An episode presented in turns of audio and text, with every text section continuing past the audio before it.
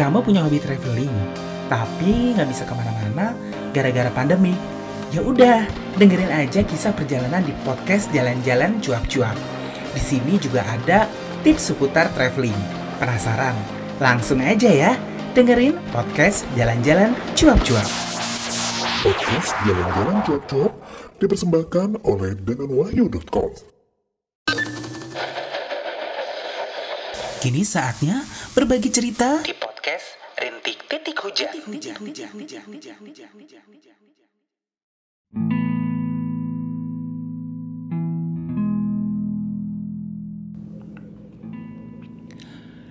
Assalamualaikum warahmatullahi wabarakatuh. Ketemu lagi dengan saya Hujan di Rintik Titik Hujan. Satu gelaran podcast yang berkisah atau bertutur tentang kisah kehidupan manusia yang bisa menjadi pelajaran hidup kita ya, gitu. Atau mungkin yang bisa menginspirasi. Dan untuk kamu yang mungkin, yang mungkin terus nih, yang mungkin ingin berbagi kisah, kamu bisa mengirimkan ceritanya ke rintik titik hujan at gmail.com. Kali ini ada sebuah cerita yang masuk ke email aku yang ini bisa terjadi pada siapa saja dan ini bisa menjadi masalah bagi siapa saja yang mungkin saat ini belum menemukan jodoh. Jadi seseorang yang dianggap sial ketika tidak bisa menemukan jodoh sampai usianya mungkin dianggap sudah matang gitu ya. Mungkin ketika teman-temannya sudah menikah, punya anak gitu, dia masih hidup sendiri. Dan orang-orang di sekitarnya itu menganggap dia adalah sosok yang sial. Mungkin ini bisa terjadi di tempat kamu, di daerah kamu. Memang di beberapa daerah di Indonesia, ketika orang untuk memutuskan untuk hidup uh, sendiri gitu ya, atau mungkin selibat gitu, maka ini akan berbeda dengan hal yang sudah biasa terjadi di masyarakat. Ya penilaian pun macam-macam gitu. Ada yang menilai mungkin ah terlalu pilih-pilih gitu atau mungkin wah jangan-jangan kamu ini mendapat kutukan nih atau mungkin sedang dibikin orang. Jadinya kamu sial. Sampai usia sekian belum dapet jodoh. Aku sih nggak bisa gimana ya? Karena kan gini aku pernah hidup di beberapa tempat lah atau beberapa kota yang memang masyarakatnya itu menganggap adalah pernikahan itu adalah sesuatu yang harus dilakukan. Iya sih, di dalam agama pun juga pernikahan untuk menyempurnakan agama gitu. Dari tatanan masyarakat tertentu, kalau kamu tidak menikah dan menemukan jodoh, maka itu akan dianggap aneh gitu. Tapi mungkin di masyarakat yang lebih maju dan modern, maka itu sesuatu hal yang biasa ya gitu. Orang telat menikah gitu. Ya aku juga pernah lah ya mengalami uh, mungkin pertanyaan-pertanyaan gitu ya. Kenapa belum menikah di usia sekian gitu ya.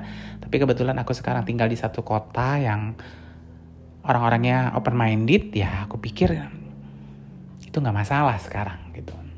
Nah ini adalah curhatan dari seseorang perempuan memang sih agak rentan gitu ya bagi perempuan uh, ketika dia single sampai usia matang gitu itu tekanannya akan jauh lebih berbeda dibandingkan laki-laki gitu. Karena konon nih perempuan kan ada masa expire-nya gitu. Hey emang ini roti tawar? Tapi bener deh ini curhatan seseorang. Jadi dia curhatlah gitu. Jadi beberapa waktu yang lalu orang tuanya sakit gitu. Nah, ketika orang tuanya sakit, kemudian masyarakat itu langsung uh, masyarakat di sekitarnya ya gitu. Ya sebagian keluarga mungkin tetangga gitu langsung ngejudge nih orang tua kamu sakit nih karena kamu gitu. Karena mikirin kamu yang nggak dapet jodoh yang menjomblo gitu. Padahal teman-teman seusia kamu tuh udah pada nikah punya anak. Nah gitu. Jadi seseorang yang curhat ini tuh ngerasa bahwa ini kenapa ya semua orang kok jadi ini kan penyakit sebenarnya bisa saja memang sudah tua orang tuanya gitu ya dan tidak ada hubungannya dengan ini tiba-tiba gitu semua orang tuh kayak ngejudge gitu. Dan yang paling ironis setelah semua orang mengejudge gitu ya ketika orang sudah menghakimi bahwa penyakit orang tuanya disebabkan oleh si perempuan ini yang curhat ini terus ketika orang tuanya pulang lalu dibikinlah satu ritual untuk membuang sial gitu. Jujur ya, si perempuan ini ngerasa nggak nyaman gitu. Karena uh, kayak ada satu, gue pikir ini satu tekanan sosial ya, perundungan ya gitu ya. Ketika uh, dia tidak menikah, dianggap sial, kemudian dilakukanlah ritual untuk membuang sial gitu. Oke, jika niatnya baik untuk mendoakan, mungkin hal yang terbaik ada dilakukan doa ya gitu ya. Mungkin doanya juga nggak doa bersama buat agar si ini dapat jodoh. Enggak lah. Didoakan saja dalam hati gitu. Tidak tidak apa namanya tidak dilakukan secara terbuka yang berdampak memberikan tekanan sosial gitu. Gimana nggak memberikan tekanan sosial? Sudah dibikin ritual kemudian besoknya uh, si perempuan ini yang curhat ini bilang gitu ketika dia ke datanglah ke tempat tetangga yang masih ada hubungan saudara terus tanya lah e, kenapa kok nggak menikah? gitu. E, terus besok gimana dengan orang tuamu? Siapa yang akan mengurus? Terus si perempuan ini bilang ya mungkin nanti akan dititipkan ke orang karena saya harus bekerja keluar gitu. Terus bilang kenapa kok susah pikir-pikir bekerja? Bukankah bekerja itu adalah tanggung jawab lelaki jika kamu menikah? Gitu. Pokoknya pertanyaan dan tekanan itu datang terus hingga di satu titik perempuan ini tuh ngerasa dia harus pick up. Agak kasar akhirnya gitu. Ngomong ke lingkungan bahwa dia tidak merasa nyaman dengan semua komentar, semua tekanan yang dilakukan ini gitu. Nah, ironis ya gitu. Karena sebetulnya gini, si perempuan ini cerita. Aku memutuskan buat single ini bukannya tidak berusaha. Tapi kan usaha orang beda-beda dan hasilnya juga beda-beda gitu ya. Jadi dia bilang sebetulnya aku juga punya pacar punya pasangan gitu. Tapi kan memutuskan untuk menikah atau mungkin untuk berkomitmen tuh tidak semudah itu ya untuk beberapa orang. Jadi akhirnya dia cerita lah gitu. Jadi dulu pernah pacaran, terus putus, is oke okay lah beberapa kali.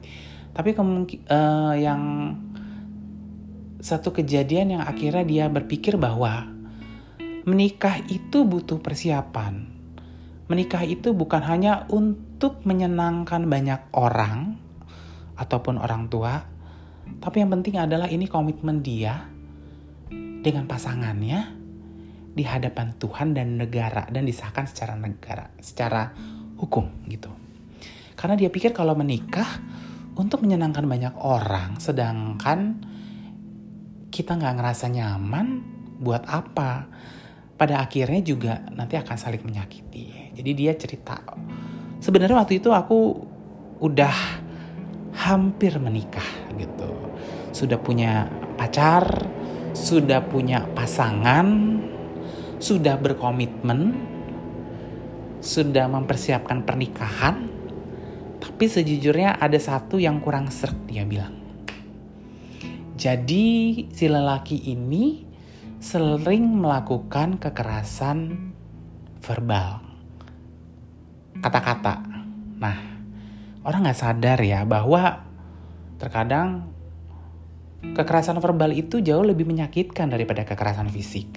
karena ini masalah hati gitu ya gimana sih kalau kamu punya pacar punya pasangan terus kamu dibilangin dasar kamu wanita sundal pelacur padahal kita bukan pelacur tapi dengan entengnya dia bilang pelacur wanita sundal gitu dan kejadian ini bukan sekali dia bilang gitu. Jadi dia mencobalah untuk berdiskusi dengan pasangannya bahwa uh, mungkin yang harus diperbaiki dari kita adalah ketika ada satu masalah tidak saling menyakiti dengan kata-kata atau dengan fisik gitu. Untuk menunjukkan emosi.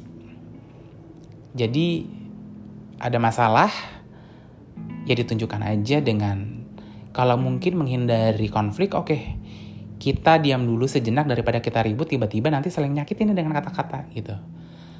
Tapi ternyata si pria ini tidak bisa diberi kesempatan, dia bilang gitu. Dua kali loh aku kasih kesempatan dia. Memang sih setelah semuanya selesai si lelaki ini meminta maaf gitu ya. Benar-benar meminta maaf dan sanggup buat berlutut gitu. Tetapi akhirnya si perempuan ini memutuskan bahwa jika sampai tiga kali, kayaknya tidak ada kesempatan lagi. Bukannya apa-apa. Jadi kalau kamu sering baca gitu ya kasus-kasus dari kekerasan KDRT, baik kekerasan uh, verbal ataupun fisik, itu polanya selalu sama.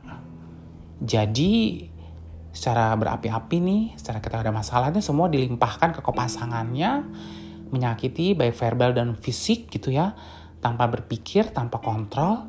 Nanti ketika masalah sudah reda, minta maaf. Minta maaf nih sampai mampu berlutut dan menangis loh. Dan beberapa kasus KDRT memang seperti itu. Dan biasanya pasangannya karena cinta itu akan memaafkan gitu. Dan pada akhirnya ini menjadi satu kejadian yang berkali-kali gitu. Nah, jadi makanya banyak banget kasus-kasus kasus-kasus KDRT yang ternyata setelah kejadian gitu ini sudah berlangsung lama dan mungkin si korban tidak merasa ini adalah salah satu kekerasan yang luar biasa ya atau mungkin karena memaafkan karena keinginan untuk untuk mempertahankan pernikahan dan karena rasa cintanya terus dimaafkan. Kemudian si pelaku juga merasa ini bukan satu kesalahan yang besar gitu. Karena bisa dimaafkan secara terus-menerus. Tapi impactnya apa? Secara psikologis ini juga akan memberikan pengaruh sama si korban gitu. Nah, pada akhirnya apa? E, ketika ada satu masalah besar, ini tidak mudah ya untuk diselesaikan gitu. Banyak uh, kejadian-kejadian KDRT kayak gunung es gitu, tiba-tiba ternyata sudah besar pada awalnya mungkin dari kekerasan verbal yang tidak terkontrol gitu. Nah akhirnya temen si perempuan ini memutuskan untuk tidak menikah lah dengan lelaki yang sering melakukan kekerasan verbal tadi. Ini sebetulnya nggak menyebabkan trauma dia bilang, tapi paling tidak ini membuka pikiran baru atau mungkin kayak memberikan wahana gitu ya bahwa e, pertimbangan untuk menerima pasangan itu adalah harus nyaman secara e, hati gitu, secara psikologis gitu. Ya masalah akan selalu ada sih, tapi sebetulnya kan bagaimana kita menghadapi masalah dan menyelesaikan masalah dengan pasangan itu.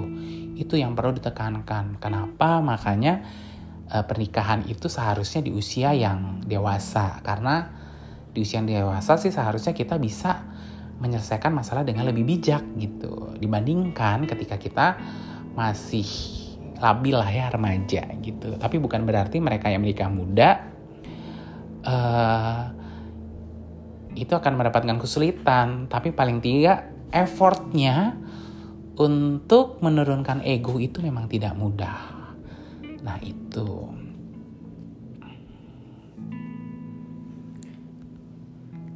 Aduh, kayaknya pembicaraan malam ini makin berat ya. Tapi juga di ada sih kepercayaan-kepercayaan gitu. Uh, yang bilang nih kayaknya jodohnya digantung gitu kayak dulu gue pernah dengar lah gitu. Ada orang yang jadi katanya sih aku juga nggak tahu pasti ya tapi katanya gini. Jadi selalu kejadiannya kayak gini. Kalau si ceweknya ini mau maunya udah udah pacaran nih tapi ketika akan ke jenjang pernikahan selalu polanya itu kejadiannya seperti ini. Ketika si ceweknya mau maka si cowoknya nanti nggak mau nih gitu. Begitu juga baliknya. Ketika cowoknya mau terus ceweknya jadi bimbang gitu. Hingga akhirnya beberapa kali kejadian seperti itu dan si orang tua si perempuan ini datanglah ke orang pinter kenapa ya selalu dat kejadian seperti ini gitu. Terus ada yang bilang oh ini kayaknya jodohnya digantung gitu. Karena dulu dia sakit hati gitu. Ya gue nggak tahu sih ini benar atau enggak. Terus akhirnya dengan beberapa ritual dan syarat tertentu akhirnya ya si perempuan ini tuh bisa menemukan jodohnya gitu. Wah, ini kalau ngomongin jodoh tuh memang menarik ya gitu. Dan jujur sih gue juga pernah lah di posisi. Jadi waktu itu gue pernah tinggal di satu kota, kota kecil lah ya gitu, yang seharusnya uh, orang seusia gue nih yang sudah matang seperti ini harusnya sudah berumah tangga gitu. Tapi aku tuh enggak. Aku tetap menikmati hidup lah gitu.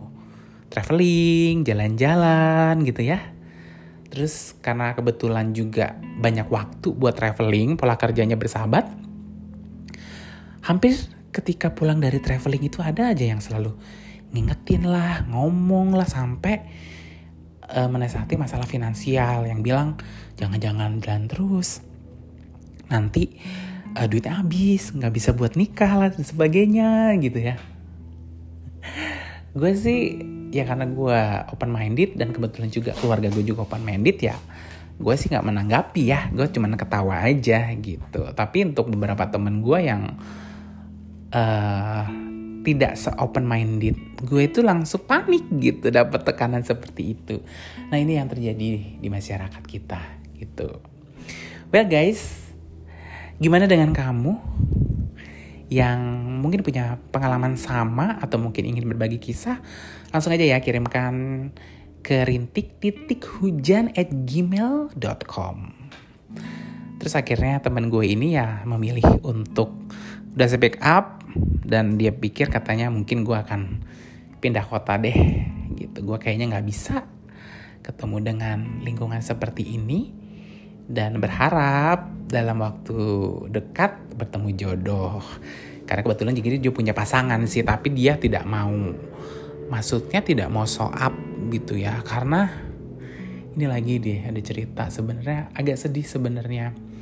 Jadi ada juga lah ya, ini uh, kisah yang lain lagi gitu. Ada seorang yang mungkin usianya sudah cukup matang, ya karena ketika keluarga itu menuntut untuk menikah maka dia punya pasangan nih gitu. Tapi pasangannya nggak jelas. Maksudnya nggak jelasnya gimana gitu. Uh, dia tidak pernah memberikan kepastian kapan akan menikah. Cuman hanya berhubungan lewat Facebook gitu. Jadi seolah-olah memang tidak jomblo sih gitu. Tetapi kita kok yang ngelihatnya gini ya uh, ter, ada kesan seperti ini hanya untuk memenuhi target gitu. Jangan sampai kosong, jangan sampai terlihat jomblo walaupun tidak ada tujuan pasti sebuah hubungan gitu. Jadi ya ketika ada apa di tag, di tag gitu sampai kita sempat bertanya-tanya sebenarnya ada nggak sih pasangannya gitu.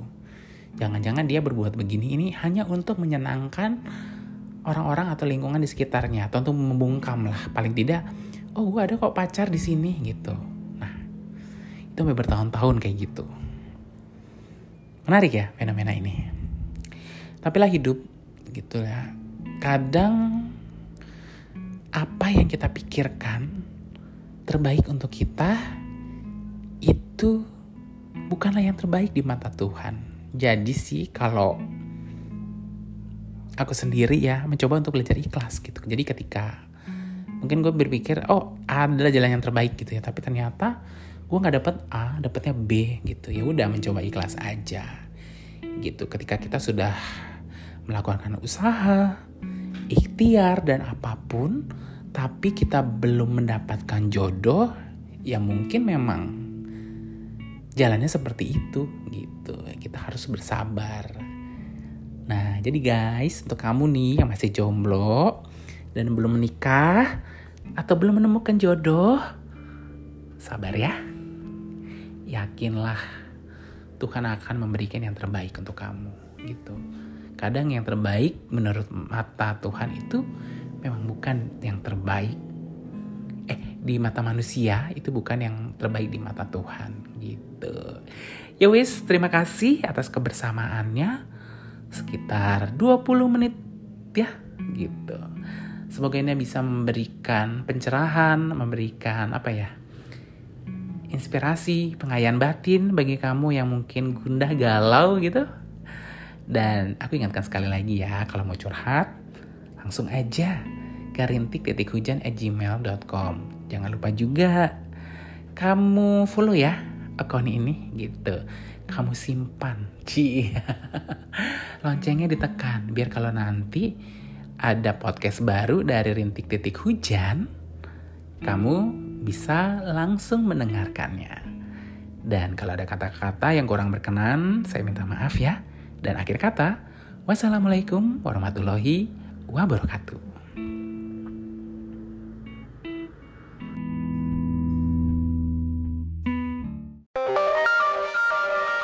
Kamu punya masalah, tapi tidak tahu ingin bercerita kepada siapa.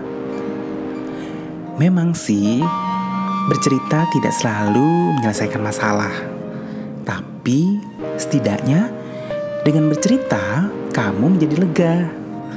Nah, untuk kamu yang ingin berbagi cerita, bisa mengirimkan ke email rintik titik hujan at gmail.com nama dan tempat kejadian pasti aku rahasiakan. Ditunggu ya. Podcast Rintik Titik Hujan dipersembahkan oleh dananwahyu.com.